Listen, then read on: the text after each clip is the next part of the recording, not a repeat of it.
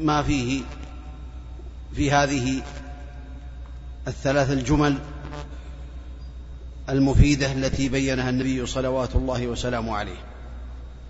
وفيه من الفوائد الدلالة على فضل الله تعالى وإحسانه إلى عباده وتجاوزه على الخطأ والنسيان وما استكره عليه العبد. وفيه من الفوائد أن الله تعالى رفع الخطأ وأن من وقع في الخطأ فإنه لا يؤاخذ عليه.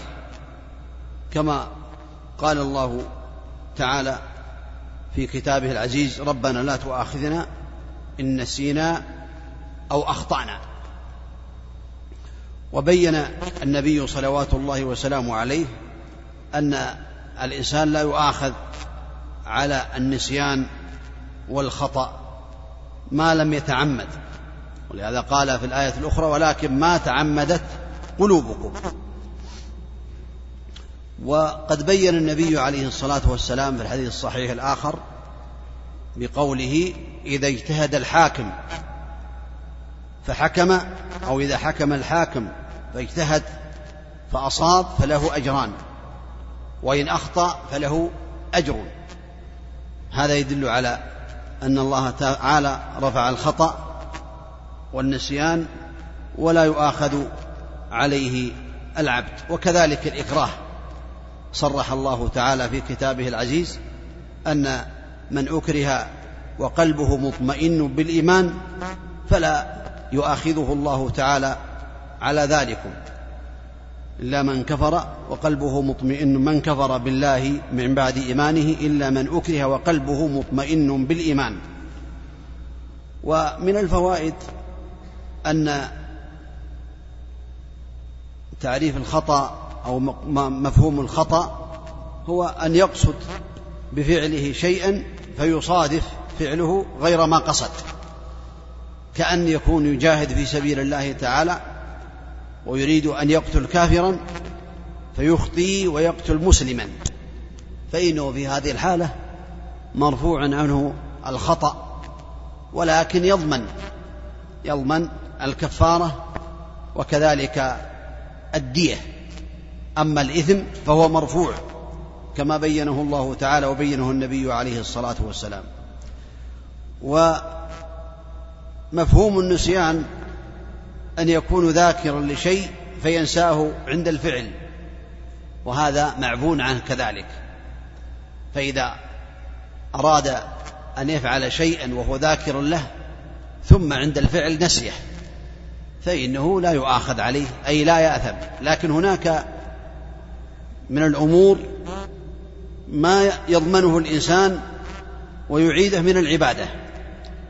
فإذا نسي مثلا الوضوء وصلى فإن الإثم لا إثم عليه ولكنه يعيد الصلاة لأن في هذا نصوص عن النبي عليه الصلاة والسلام لا صلاة لأحدكم إذا أحدث حتى يتوضأ لا يقبل الله صلاة بغير طهور ولا صدقة من غلول فإذا نسي وتوضأ بدون طهارة فإنه يعيد الصلاة والوضوء أو يعيد الوضوء والصلاة. وهناك أشياء يعفى عنه مطلقا. إذا كان عليه نجاسة على ثوبه أو بدنه أو في البقعة ثم نسي وصلى وانتهت الصلاة فهو قد عفي عنه وصلاته مقبولة. لأن الأدلة دلت على أن الإنسان لا يؤاخذ على ذلك.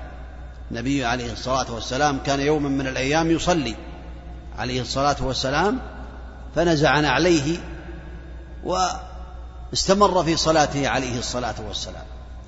فسأل الصحابة النبي عليه الصلاة والسلام فأخبرهم أن جبريل أخبره بأن فيهم أذى فأخذ العلماء على أن الإنسان لو صلى وفي ثوبه نجاسة أو بعض ملابسه فإنه بين ثلاثة أمور.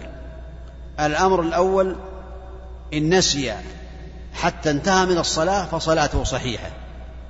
الأمر الثاني لو ذكر وهو في الصلاة فإنه بين أمرين. إن كان يستطيع أن ينزع هذا اللباس فإنه في هذه الحالة ينزعه ويصلي. كأن تكون النجاسة في غترته أو في طاقيته أو في شيء من ثيابه التي يستطيع أن ينزعها وهو يصلي ويستمر في صلاته ولا يخشى إلا الله هو يعبد الله تعالى.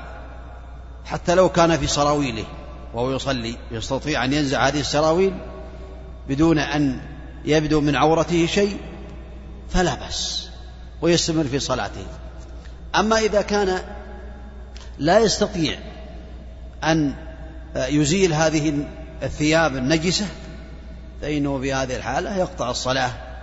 والحمد لله. الخلاصة أن النسيان معفو عن الإثم فيه ولكن قد يضمن وقد لا يضمن على حسب ما ورد عن النبي عليه الصلاة والسلام. والمكره لا شك أنه على نوعين. النوع الأول أن يكون الإكراه لا يكون باختياره بالكلية ولا قدرة له على ذلك ولا يستطيع أن يمتنع من ذلك. كمن حمل أقسم بالله ألا يدخل هذه الدار فقبض عليه وحمل وادخلها بالقوة. فإن هذا الإنسان لا كفارة عليه ولا إثم. قد أكره وألجي إلى ذلك. أو حمل وقتل به إنسان آخر. فإنه لا شيء عليه مطلقا. النوع الثاني من أكره بضرب أو غيره حتى فعل هذا الفعل بالضرب بالقوة تحت التهديد.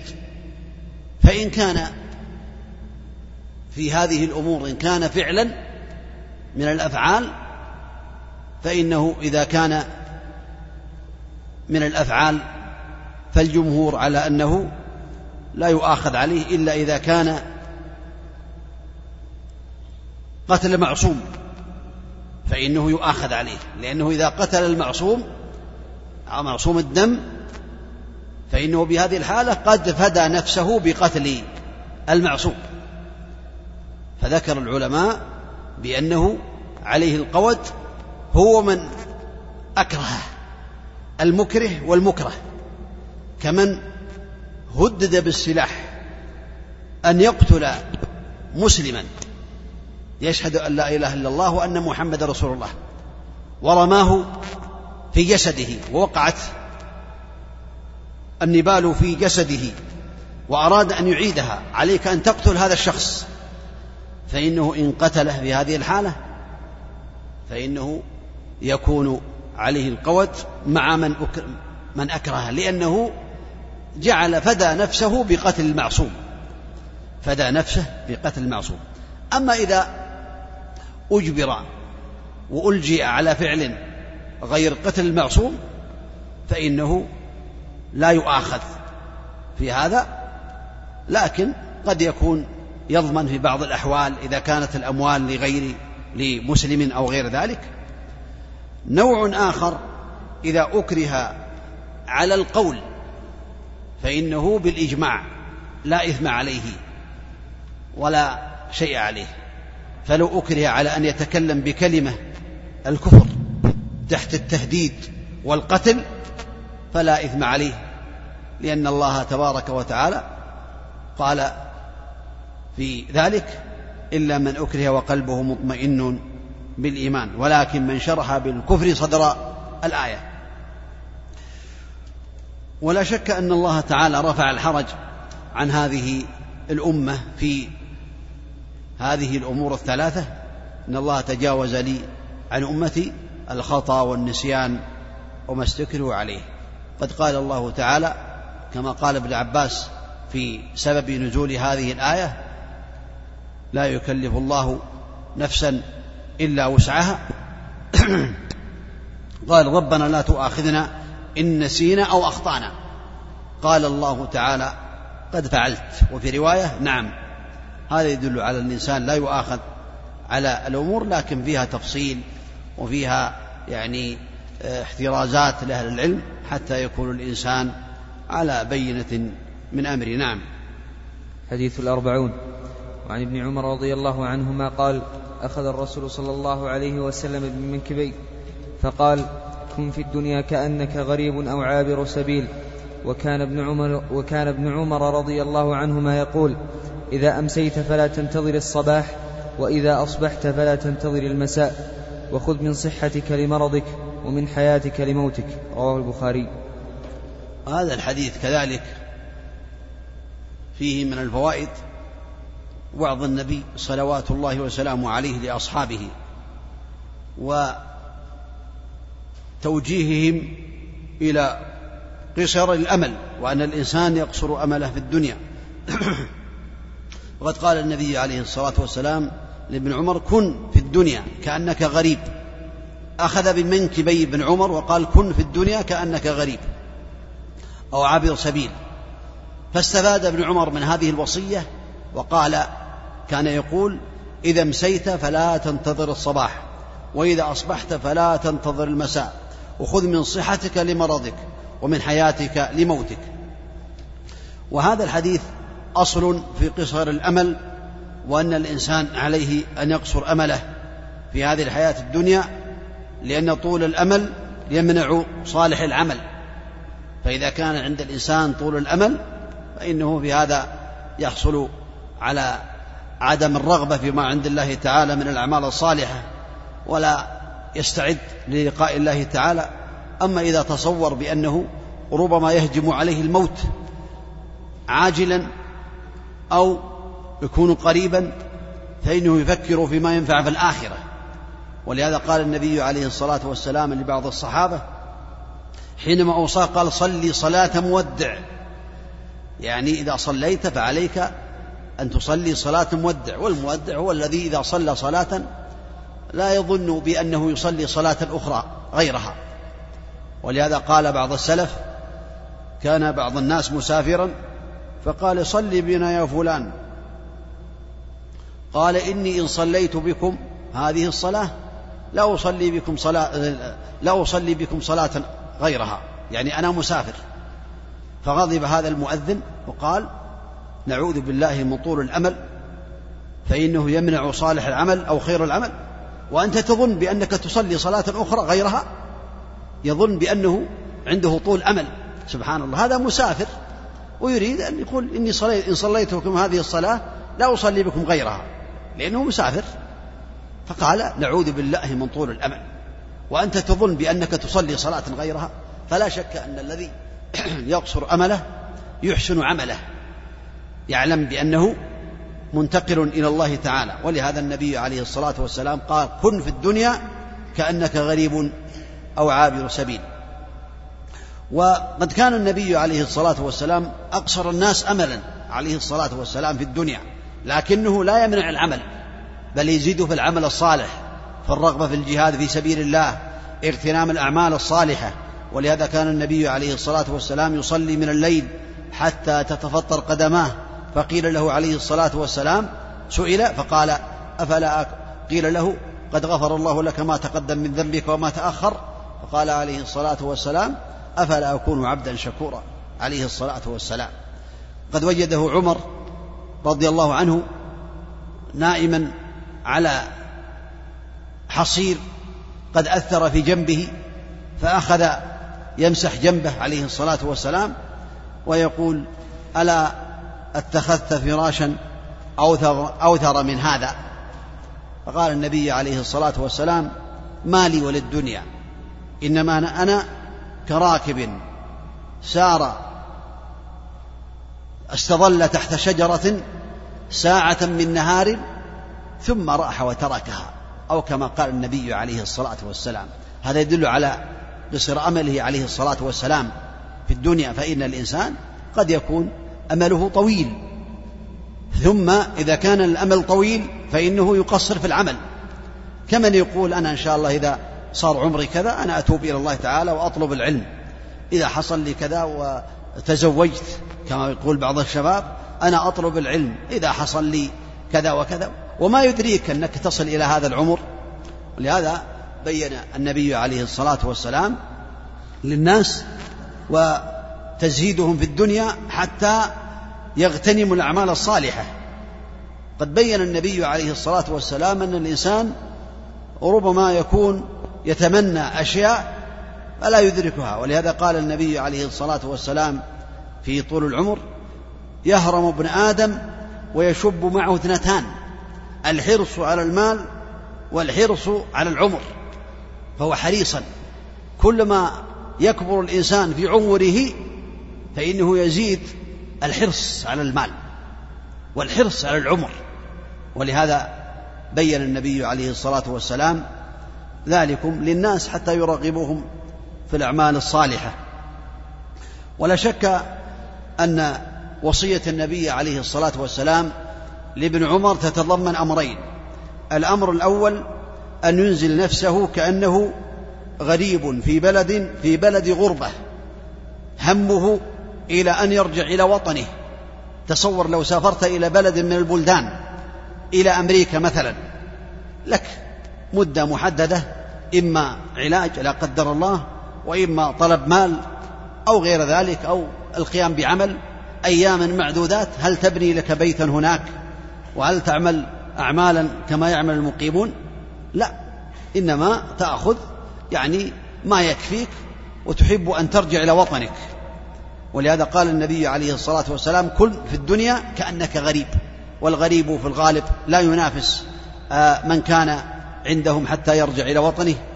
والأمر الثاني النبي عليه الصلاة والسلام قال أو عابر السبيل. عابر السبيل في الطريق لا يعمل ولا يحمل إلا ما ينفعه في طريقه حتى يرجع إلى بلاده. وبلادنا وأوطاننا هي الجنة لأن الله تعالى أخرج آدم من الجنة بمعصيته. ولهذا الإنسان المسلم وطنه هي الجنة. هذا قال بعض القائلين وكم من منزل يألفه الفتى وحنينه آه، أبدا لأول منزلي منزلي ذكر ابن القيم رحمه الله تعالى أبياتا في هذا منها يقول فحي بنا على جنات عدن فإنها منازلك الأولى وفيها المخيم ولكننا سبي العدو فهل ترى نعود إلى أوطاننا ونسلم؟ فيذكر رحمه الله تعالى أن أوطاننا الحقيقية هي الجنة التي كان فيها آدم عليه الصلاة والسلام. ولكن ليس معنى ذلك أن الإنسان ينقطع ويكون عالة على الناس. فإن العمل الذي يعمله الإنسان في الدنيا كله عمل صالح بالنية كما قال النبي عليه الصلاة والسلام إنما الأعمال بالنيات. فإذا كان في عمل أو كان في مزرعة أو كان عنده أموال وتجارة أو غير ذلك فلا يقطع هذا الخير بل ينوي به الأعمال الصالحة. لأن المباحات إذا جعل الإنسان بالنية أو عمل الإنسان فيها بالنية فيكون بهذا قد عمل الصالحات لأن النبي عليه الصلاة والسلام قال إنك لن تنفق نفقة تبتغي بها وجه الله تعالى إلا أجرت عليها. أي نفقة تنفقها؟ حتى ما تنفق على أولادك وعلى أسرتك إذا احتسبته لله تعالى والقيام بالواجب؟ فأنت مأجور عليه. إذا كنت في العمل وأردت بهذا العمل أن تغني نفسك وأن تنفع المسلمين وأن تستغني عن الناس فأنت في عبادة لله. حتى النوم لو نمت من أجل أن تتقوى على طاعة الله وطاعة النبي صلوات الله وسلامه عليه فأنت في عبادة. لو أكلت أكلا واحتسبت أنك تتقوى على طاعة الله كذلك. ولهذا قال أبو موسى الأشعري رضي الله عنه أو معاذ حينما سأله معاذ وأبو موسى الأشعري كان في اليمن فجاء أحدهما إلى الآخر فقال كيف تقرأ القرآن؟ قال أقرأه جالسا وقاعدا وراكبا وأتفوقه تفوقا يعني التفوق هو ما بين الحلبتين. فقال وأنت كيف تقرأ القرآن؟ قال آه، أنام بعد صلاة العشاء أو كما قال رضي الله عنه ثم أحت يعني أصلي ما كتب لي أي في آخر الليل وأحتسب نومتي كما أحتسب قومتي. يعني نومتي أحتسبها إذا نمت فإني أحتسب نومتي التقوي على طاعة الله. فالمقصود ليس المقصود بقول النبي عليه الصلاة والسلام وعابر سبيل أنك تترك الواجبات وتنقطع فإن هذا من الأمور التي بينها النبي عليه الصلاة والسلام في الأحاديث الأخرى ولذا جاء إليه رجل يوم يشتكي أخاه يقول هذا ما عمل وأنا أعمل وأنفق عليه وهو يطلب العلم. فقال النبي عليه الصلاة والسلام لعلك ترزق به. يعني أنت تنفق عليه لعل هذا الرزق أتى إليك من أجل الإنفاق على أخيك. فالخلاصة أن الإنسان لا يفهم بأن معنى الزهد في الدنيا وقصر الأمل أنه يترك الواجبات ويقعد عن ما أوجب الله عليه بل عليه أن يعمل ويتقي الله تعالى ويبشر بالخير فإن هذا من أسباب التوفيق التي آه، يستفيد منها الإنسان ويوفق لها. وكذلك مما ينبغي له كذلك أن آه، يقصر أمله دائما. وإلى هذا قال النبي عليه الصلاة والسلام يعني في الحديث الآخر بين صلوات الله وسلامه عليه يحث الناس على قصر الأمل وأن الإنسان عليه أن يغتنم أموره قبل أن يهجم عليه الموت. لهذا قال النبي عليه الصلاة والسلام لرجل وهو يعظه قال اغتنم خمسا قبل خمس. اغتنمها خمسا قبل خمس. والحديث رواه الحاكم وصححه ووافقه الذهبي وله شاهد آخر عن عمرو بن ميمون ولا شك أن النبي عليه الصلاة والسلام أوصى بخمس. قال اغتنم خمسا قبل خمس. شبابك قبل هرمك. وغناك قبل فقرك. وفراغك قبل شغلك. وصحتك قبل سقمك. وحياتك قبل موتك. اغتنمها يا عبد الله. هذه غنائم. اغتنم هذه الأمور قبل أن تأتي الآفات الأخرى. اغتنم الشباب قبل آفة الهرم. إن مد الله في عمرك. واغتنم الصحة قبل آفة المرض فإن الإنسان إذا مرض كسل عن الأعمال ولا يستطيع أن يقوم بالواجبات. وإذا اجتهد في صحته كتب الله له ما كان يعمل صحيحا مقيما. اغتنم الفراغ قبل الشغل. تعلموا قبل أن تسودوا. فقال بعض العلماء قال تعلموا قبل أن تسودوا وبعد أن تسودوا لكن المقصود أن الإنسان إذا كان في حالة الفراغ فإنه يستطيع أن يقوم بالأعمال الصالحة وطلب العلم والخير أما إذا شغل فإنه يعني لا يستطيع أن يقوم بما قام به في حالة فراغه. ولهذا بين النبي عليه الصلاة والسلام أن هذا نعمة اغتنم غناك قبل فقرك إذا كان عندك أموال اغتنمها في طاعة الله تعالى في الإنفاق في الواجب في إخراج الزكاة في القيام بما يحبه الله تعالى ويرضاه. واغتنم كذلك حياتك قبل الموت. فإن الموت إذا هجم على الإنسان انقطع العمل. إذا مات ابن آدم انقطع عمله إلا من ثلاث كما بين النبي صلوات الله وسلامه عليه. ولهذا بين النبي عليه الصلاة والسلام أن هذا من النعم من نعم الفراغ نعمة والصحة نعمة فاغتنمها. لهذا قال النبي عليه الصلاة والسلام نعمتان مغبون فيهما كثير من الناس الصحة والفراغ. فلا بد للإنسان أن يغتنم هذه الأمور قبل أن يأتي الأجل ثم يخسر ولهذا بين النبي عليه الصلاة والسلام ذلك في هذا الحديث وفي غيره. فعلى الإنسان أن يغتنم قبل الموت قبل أن يهجم عليه الأجل. إنا لنفرح بالأيام نقطعها وكل يوم مضى يدني من الأجل فاعمل لنفسك قبل الموت مجتهدا فإن الربح والخسران في العمل. يجتهد الإنسان والنبي عليه الصلاة والسلام أوصى ابن عمر بهذه الوصية ولكن هذه الوصية يعني لكل مسلم لكل مخلوق من المسلمين بل من المكلفين من الجن والإنس إلى قيام الساعة. لأن الوصية للواحد وصية للأمة. ما لم يدل الدليل على أنها خاصة. وهذا يدل على فقه ابن عمر رضي الله عنهما وأنه استفاد من وصية النبي عليه الصلاة والسلام. ولهذا جاء في آخر الحديث من قوله ولهذا قال يعني إذا أصبحت فلا تنتظر إذا أمسيت فلا تنتظر الصباح. هذا فائدة استفادها ابن عمر. فصار يعظ ينقل حديث النبي عليه الصلاة والسلام ويقول قولا من عنده يدل على أنه استفاد.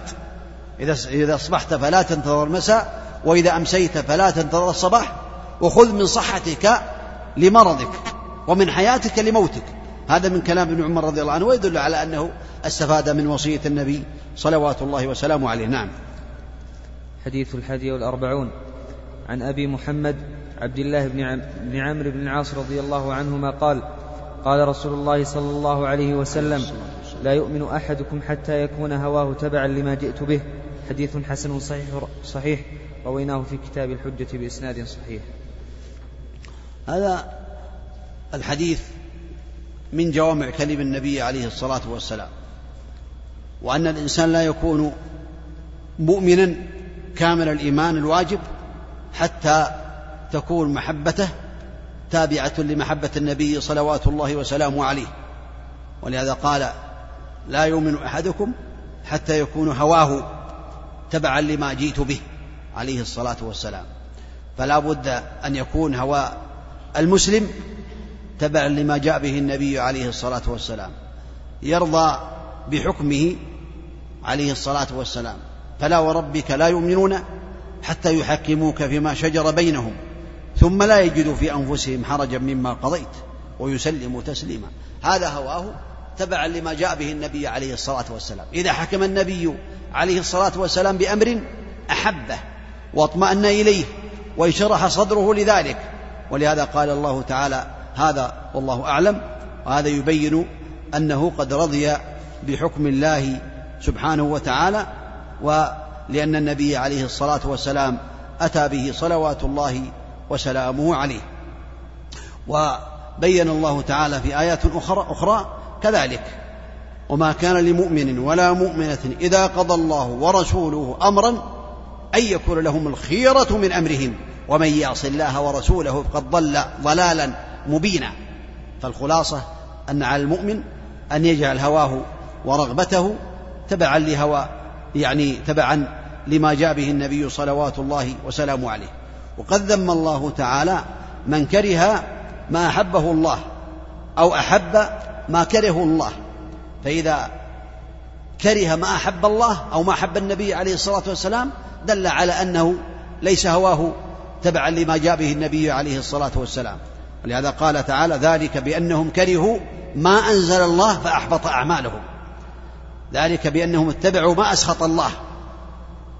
فهذا يدل على أن المؤمن إذا كان هواه تبعا لما جاء به النبي عليه الصلاة والسلام فإنه يرضى بحكم الله. ويرضى ويرغب ويحب ما يحبه الله ويحبه النبي عليه الصلاة والسلام. وفيه من الفوائد أن المؤمن يجب عليه أن يعمل ويحب ما يحبه الله تعالى. وكذلك يجب على كل مؤمن أن يكره ما يكرهه الله تعالى حتى يكون هواه تبعا لما جاء به النبي صلوات الله وسلامه عليه. ولهذا قال النبي عليه الصلاة والسلام في الحديث الآخر لا يؤمن أحدكم حتى أكون أحب إليه من ولده ووالده والناس أجمعين. لا يؤمن لا يبلغ درجة الإيمان والحديث متفق على صحته. هذا دليل واضح على أنه لا يكون كامل الإيمان إلا إذا أحب النبي عليه الصلاة والسلام أكثر من نفسه وولده ووالده والناس أجمعين. فإذا أحبه أكثر من نفسه فإنه يقدم طاعته عليه الصلاة والسلام على رغبة نفسه. إذا أحب أحبه أكثر من ولده قدم طاعته عليه الصلاة والسلام على طاعة الولد. إذا أحبه أكثر من الناس أجمعين فإنه يقدم طاعته عليه الصلاة والسلام على طاعة جميع المخلوقين لأنه أحبه عليه الصلاة والسلام من قلبه. ولهذا قال لا يؤمن أحدكم حتى أكون أحب إليه من ولده ووالده والناس أجمعين صلوات الله وسلامه عليه. والمحبة الصحيحة في الحقيقة هي التي تقتضي المتابعة متابعة النبي عليه الصلاة والسلام. ولهذا قال الله تعالى في كتابه ويبين بأن من أراد أن يبرهن أنه يحب الله ويحب النبي عليه الصلاة والسلام فليقدم البرهان والدليل بالاتباع. ولهذا قال الله تعالى قل إن كنتم تحبون الله فاتبعوني يحببكم الله ويغفر لكم ذنوبكم والله غفور رحيم. من كان يدعي محبة النبي عليه الصلاة والسلام فعليه أن يقدم الدليل والبرهان وهي متابعة, متابعة النبي عليه الصلاة والسلام فيما يحبه ويرضاه والالتزام بسنته صلوات الله وسلامه عليه. وبين النبي عليه الصلاة والسلام بأن هذا قد يحصل للمؤمن حلاوة الإيمان بطاعة الله وطاعة النبي عليه الصلاة والسلام والرغبة فيما عند الله تعالى. لهذا قال ثلاث من كن فيه وجد بهن حلاوة الإيمان. أن يكون الله ورسوله أحب إليه مما سواهما. وأن يحب المرأة لا يحبه إلا لله.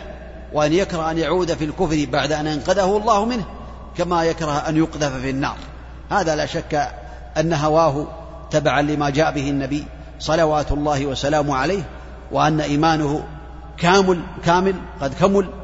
ولهذا ثبت عن النبي عليه الصلاة والسلام بأنه قال ذاق طعم الإيمان من رضي بالله ربا وبالإسلام دينا وبمحمد رسولا صلى الله عليه وسلم رواه مسلم. ذاق طعم الإيمان. الإيمان له ذوق له طعم له حلاوة. حلاوته هي التلذذ بطاعة الله التلذذ بمحبة الله ومحبة النبي صلوات الله وسلامه عليه والقيام بأوامر الله والابتعاد عما نواهيه. يتلذذ بذلك ويجد الرغبة والشوق ولهذا كان النبي عليه الصلاة والسلام حينما كان يواصل في رمضان فقيل له قال إني لست كهيئتكم إني أبيت عند ربي يطعمني ويسقين. والصواب في هذا أنه يبيت عند ربه قيل بأنه يسقيه طعاما آه، شرابا وطعاما. ومنهم من قال لا هذا المقصود ما يحصل من لذة العبادة آه، المناجاة لله تعالى والرغبة فيما عند الله تعالى وهذا هو الصواب كما ذكر ابن القيم رحمه الله تعالى. وأن المعنى أنه آه، إذا كان في عبادته وفي صيامه تقوم هذه العبادة مقام الطعام والشراب لأنسه بمناجاة الله تعالى وتلذذه بعبادة الله تعالى.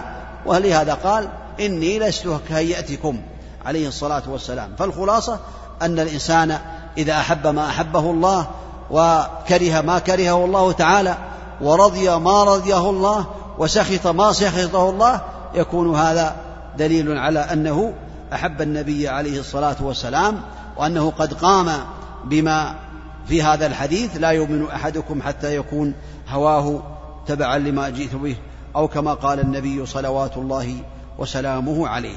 فالمحبة الصحيحة كما سمعتم هي التي تقتضي متابعة النبي عليه الصلاة والسلام والقيام بما يحبه صلوات الله وسلامه عليه والذب عن سنته عليه الصلاة والسلام. نعم. الحديث الثاني والأربعون. وعن أنس رضي الله تعالى عنه قال سمعت رسول الله صلى الله عليه وسلم يقول قال الله تعالى يا ابن آدم إنك ما دعوتني ورجوتني غفرت لك على ما كان منك ولا أبالي. يا ابن آدم لو بلغت ذنوبك عنان السماء ثم استغفرتني غفرت لك. يا ابن آدم إنك لو أتيتني بقراب الأرض خطايا ثم لقيتني لا تشرك, بك لا تشرك بي شيئا لأتيتك بقرابها مغفرة. رواه الترمذي وقال حديث حسن صحيح. هذا الحديث كذلك فيه فوائد وهو حديث عظيم.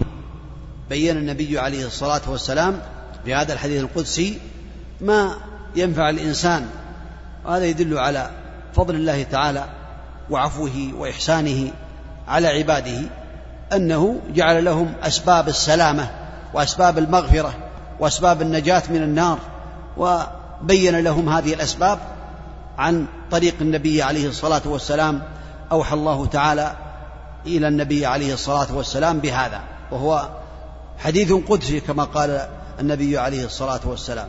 قال الله لأنه قال قال الله تعالى يا ابن آدم لو بلغت إنك ما دعوتني ورجوتني ما دعوتني ورجوتني غفرت لك على ما كان منك ولا أبالي.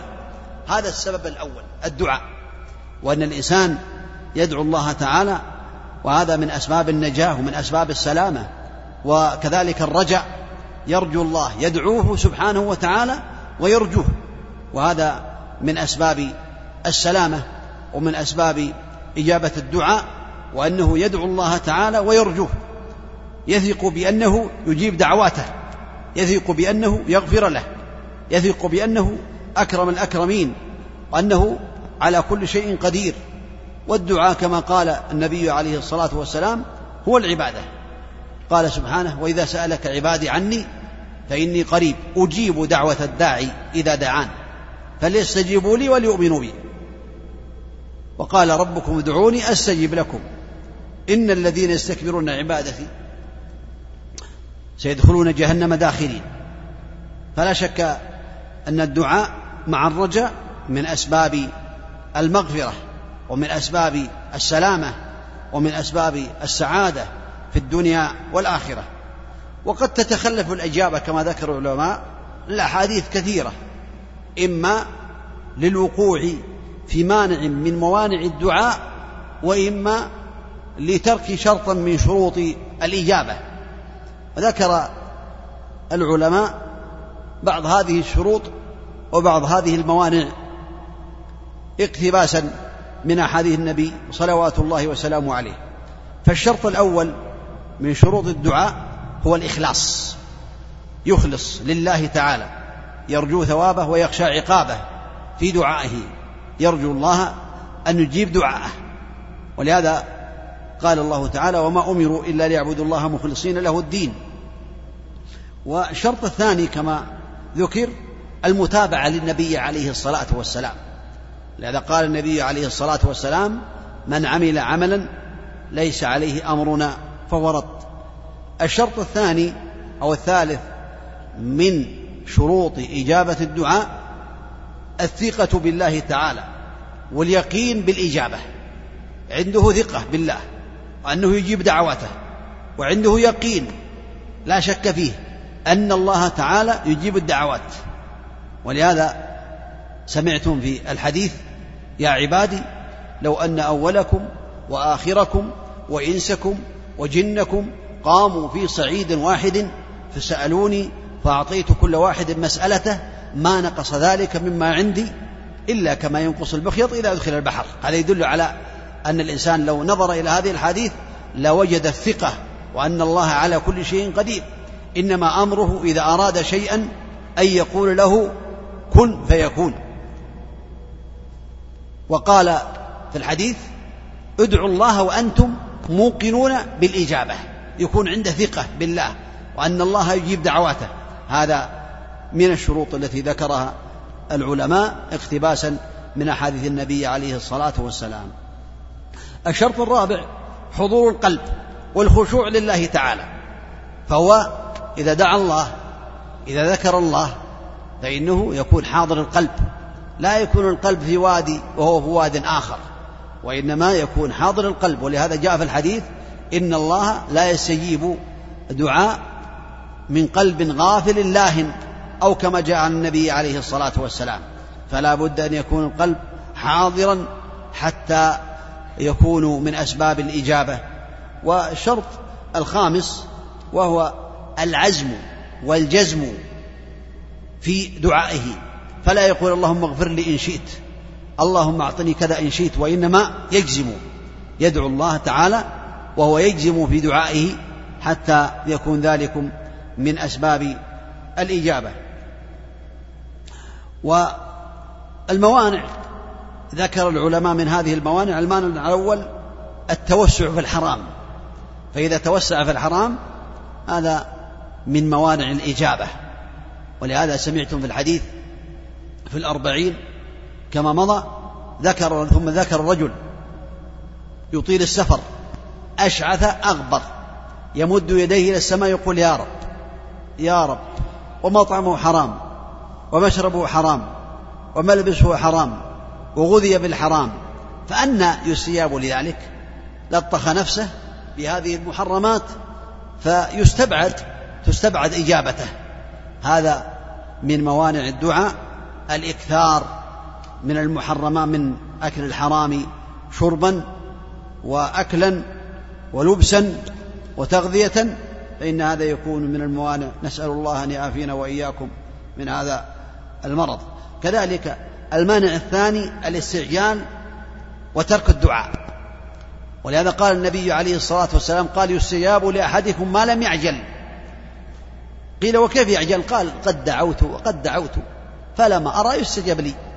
يعني دعا الله كثيرا دعا الله كثيرا لكن ما رأى فيترك الدعاء فحينئذ يترك الدعاء. هذا من الموانع لأن الله تعالى حكيم يحب من عبده إذا سأله أن يلح في الدعاء. فالله تعالى أحكم الحاكمين. فإذا تكاسل الإنسان عن الدعاء فإنه يعني لا يستجاب له لأنه يترك الدعاء. ولهذا يذكر عن عمر رضي الله عنه يقول إني لا أحمل هم الإجابة ولكن أحمل هم الدعاء.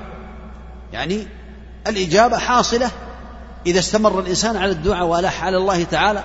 وربما بعض الناس يدعو الله تعالى سنين ثم يعطيه الله تعالى ما سأل. ومع ذلك يعطيه أعظم من ذلك يعطيه أعظم من ذلك لأنه إذا دعا الله فهذه عبادة.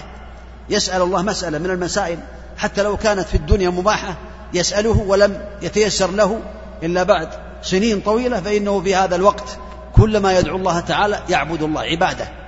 فهو يثاب على هذا العمل ثم يجاب أو من الموانع كما ذكر العلماء أن الإنسان قد يرتكب بعض المعاصي أو المحرمات فلا يستجاب له لأنه قد ارتكب بعض المحرمات والعياذ بالله. هذا من الموانع الموانع الرابع ترك الواجبات والمانع الخامس كذلك أو الثالث ترك المعاصي ارتكاب المعاصي الثالث ترك المعاصي والرابع الوقوع في المحرمات.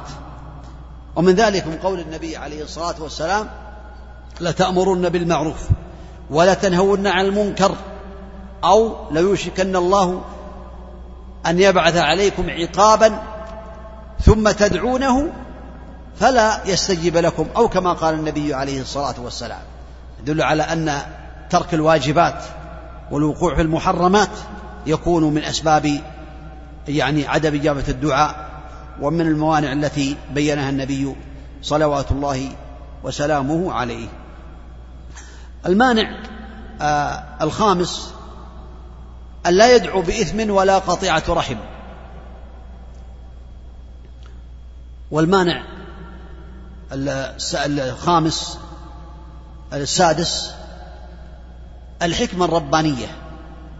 فإن الإنسان قد لا يجاب لحكمة الله يعلمها ويعطيه الله تعالى خيرا مما سأل خيرا مما سأل أو أكثر مما سأل. ولهذا قال النبي عليه الصلاة والسلام ما من مسلم يدعو الله بدعوة ليس فيها إثم ولا قطيعة رحم إلا أعطاه الله بها إحدى ثلاث إما أن يعجل له دعوته أي في الدنيا وإما أن يصرف عنه من الشر مثلها وإما أن يدخرها له إلى يوم القيامة. فقالوا يا رسول الله إذا نكثر. فقال النبي عليه الصلاة والسلام الله أكثر. كل ما تكثرون في الدعاء فالله أكثر يعطيكم. ما دام أن الإنسان يحصل على إجابة الدعاء قال ما من مسلم يدعو الله بدعوة ليس فيها إثم. هذا يدل على الإثم موانع الدعاء. ولا قطعة رحم. قطعة الرحم موانع الدعاء. إلا أعطاه الله بها إحدى ثلاث. إما أن يعجل له دعوته وإما أن يصرف عنه من الشر مثلها. إذا هذه حكمة ربانية. المانع هو الحكمة وأن الله تعالى صرفه إلى ما ينفعه. فقد يحدث الإنسان آه، آه، أمر عظيم ويحب أن يعطي الدنيا ولا يقع له هذا الأمر فالله يصرف عنه بدعائه.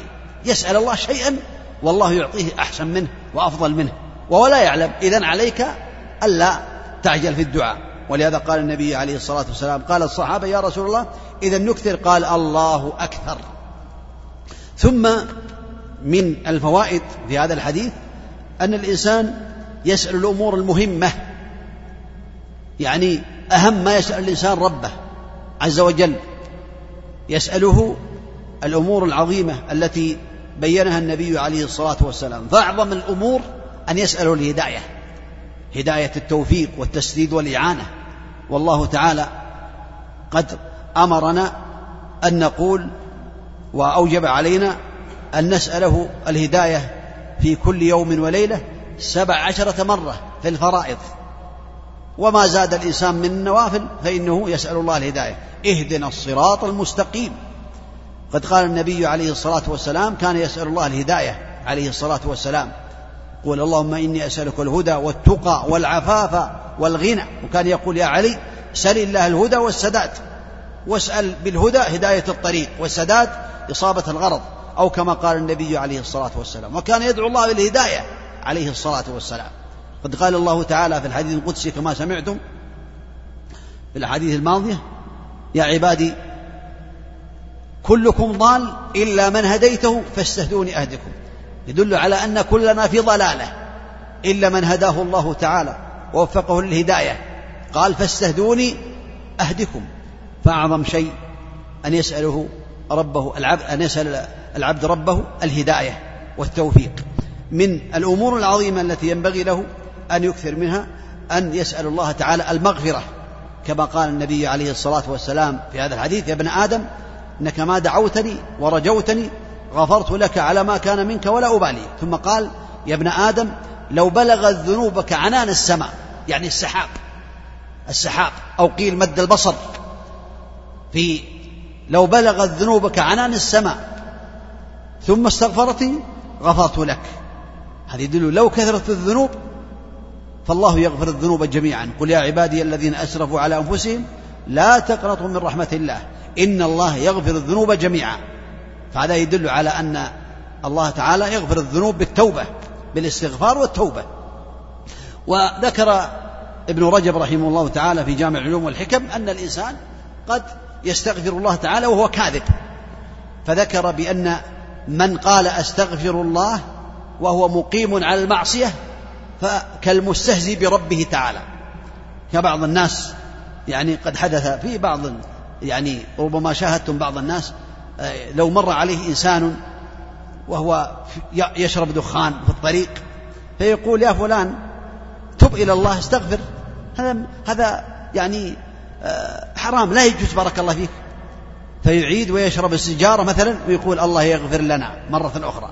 فذكر ابن رجب بأن هذا يكون كالمستهزي بربه. كيف تقيم على المعصية وتقول اللهم اغفر لنا؟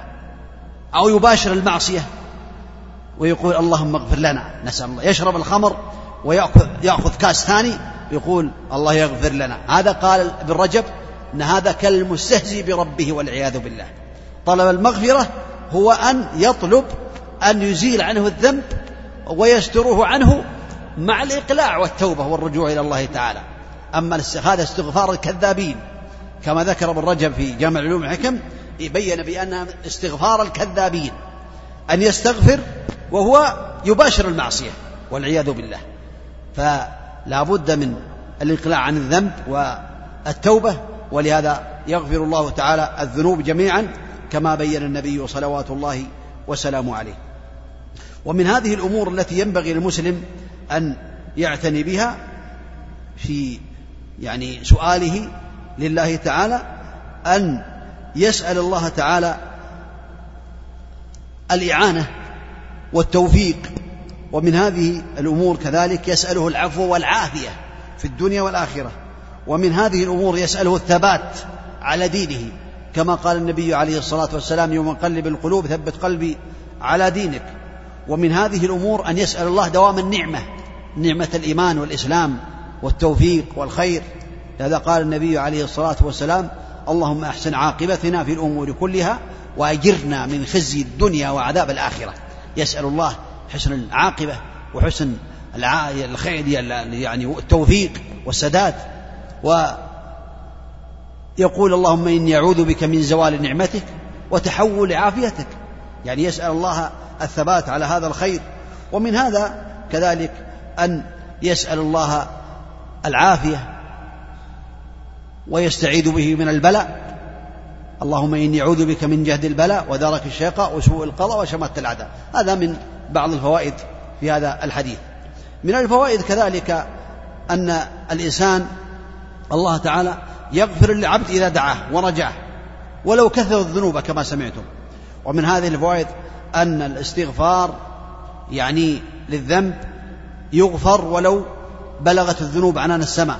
هذا كما تقدم يدخل في الأول. والاستغفار معناه طلب المغفرة والمغفرة هي وقاية شر الذنوب مع سترها. يعني أنت تسأل الله أن يقيك شر ذنبك يقيك شره بأن يتوب عليك ويستره عليك. فإذا قلت أستغفر الله كأنك قلت اللهم قني شر ذنوبي أي بتوبتي وتمحوها عني وتسترها. هذا من معاني الاستغفار. كذلك بين في النبي عليه الصلاة والسلام في هذا الحديث أن الاستغفار لا بد أن يكون مقترن بالتوبة يستغفر ويتوب. التوبة هي أن يتوب إلى الله تعالى يقلع عن الذنب ويندم ويعزم أن لا يعود ويرد الحقوق إلى أهلها. هذا توبة ومع هذا يطلب الله تعالى ويسأل الله تعالى أن يغفر له. ولا شك أن التائب من الذنب كمن لا ذنب له لأن الله يتوب عليه سبحانه وتعالى. وكذلك من هذه الفوائد أن التوحيد هو من أسباب مغفرة الذنوب وهو السبب الثالث. ثم قال يا ابن آدم يا ابن آدم يبين له الله تعالى بأنه يناديه بجنسه وأنه ابن آدم لو لقيتني بقراب الأرض خطايا ثم لو أتيتني بقراب الأرض خطايا ثم لقيتني لا تشرك بي شيئا لأتيتك بقرابها مغفرة. هذا السبب الأعظم التوحيد توحيد الله تعالى وهو إفراد الله تعالى بأسمائه وصفاته وربوبيته وألوهيته. فإذا أفرد الله تعالى بما يختص به من الأسماء والصفات والربوبية والألوهية هذا من أعظم أمور التوحيد وهذا هو التوحيد في الحقيقة. فإذا لقي الله تعالى لا يشرك به شيئا والشرك أن تجعل لله ندا وهو خلقك والشرك أن يصرف العبد شيئا من أنواع العبادة لغير الله تعالى. ويكون الأصغر هو كل وسيلة توصل إلى الشرك الأكبر سواء كانت قولية كقوله ما شاء الله وشيت أو يحلف بغير الله أو فعلية يعلق على يعني الخيوط أو يعلق الأحراز أو غير ذلك آه، أو قولية كأن يقول ما شاء الله وشيت أو يحلف بغير الله أو إرادية كالرياء ويعني آه، الطمع أو تقديم النية بحيث يعمل أعمال الدنيا أعمال الآخرة للدنيا أو غير ذلك من أنواع الشرك الأكبر والأصغر. فالله تعالى قال يا ابن آدم لو آتيتني بقراب الأرض خطايا بقراب ملئها لأتيتك بقرابها مغفرة. وهذا من أعظم أسباب المغفرة بأن من لقي الله تعالى بالتوحيد وقد سلم من الشرك فإنه يكون من المغفور له آه، غفر الله له. ولهذا قال إن الله لا يغفر أن يشرك به ويغفر ما دون ذلك لمن يشاء. وقراب الأرض هو ملؤها أو ما يقارب ملئها. وكذلك آه، في الحديث إثبات لقاء الله تعالى وأن قول, قول الله تعالى لا لو ثم أتيتني لا, لا ثم لقيتني لا تشرك بشيئا إلا أتيتك بقرابها مغفرة. والحديث له فوائد وهذا الحديث هو آخر الأحاديث الأربعين النووية التي ذكرها الإمام النووي رحمه الله تعالى وتتمة لابن رجب رحمه الله تعالى الزيادات ثمانية أحاديث لعلنا إن شاء الله نأتي إليها آه، أو نقرأها غدا إن شاء الله. وبالله التوفيق صلى الله وسلم وبارك على نبينا محمد وعلى آله وأصحابه أجمعين. يعني يقول الأخوان غدا إن شاء الله يعني تكون الفترتان آه، في تكميل الأحاديث النبوية الأربعين. ويوم الخميس إن شاء الله الفترتان تكون لنخبة الفكر إن شاء الله تعالى. يعني من باب التنسيق يعني مع الإخوان نعم. نسأل الله لنا ولكم العلم النافع العمل الصالح. صلى الله وسلم وبارك على